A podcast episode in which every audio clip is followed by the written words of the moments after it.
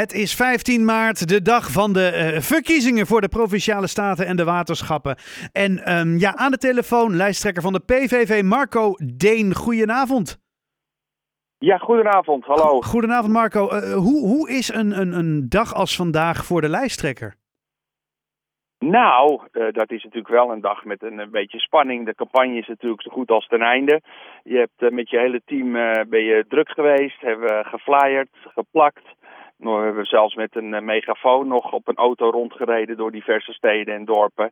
Dus we hebben hard gewerkt en dan is vandaag eigenlijk een beetje een dag van nou je gaat zelf natuurlijk even stemmen. Mm -hmm. En dan gaan we straks lekker met de hele club, met het hele team een hapje eten.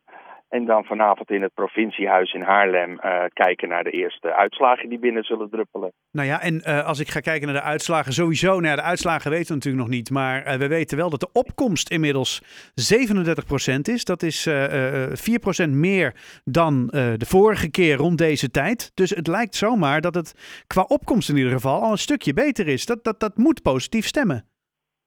Ja, nou, dat stemt zeker positief. Want als mensen in ieder geval de gang naar de stembus weten te vinden, dan houdt dat toch in dat we het om, over belangrijke zaken hebben. En dat is mooi. En uh, uh, het weer zal daar ook bij uh, hebben meegespeeld. Dat zie je ook wel soms is als spelbreker voorbij komen. Maar het was vandaag natuurlijk hartstikke mooi weer. En laten we hopen dat die tendens zich voortzet tot het einde van de, nou, de laatste stemmingen, laat ik maar zeggen, zo rond 9 uur.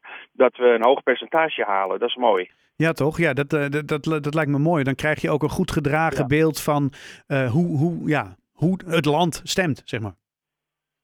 Precies. Nou, en dat is wat je wilt. Uiteindelijk wel. Hey, en uh, je zegt uh, vanavond naar het provinciehuis, rond een uur of negen, de eerste exit polls. He, heb je stiekem al hier en daar wat gehoord?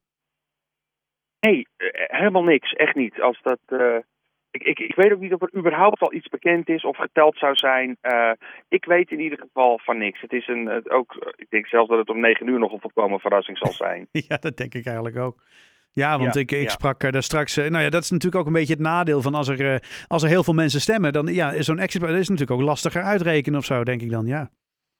Lijkt mij ook, want dan zul je ook iets later pas een uh, wat betere indicatie kunnen krijgen, denk ik. Precies. Hey, en die spanning ja. uh, die je voelt, uh, gaat die zich nog voortzetten, denk je? Of, of, gaat het nu even rusten en is het gewoon afwachten?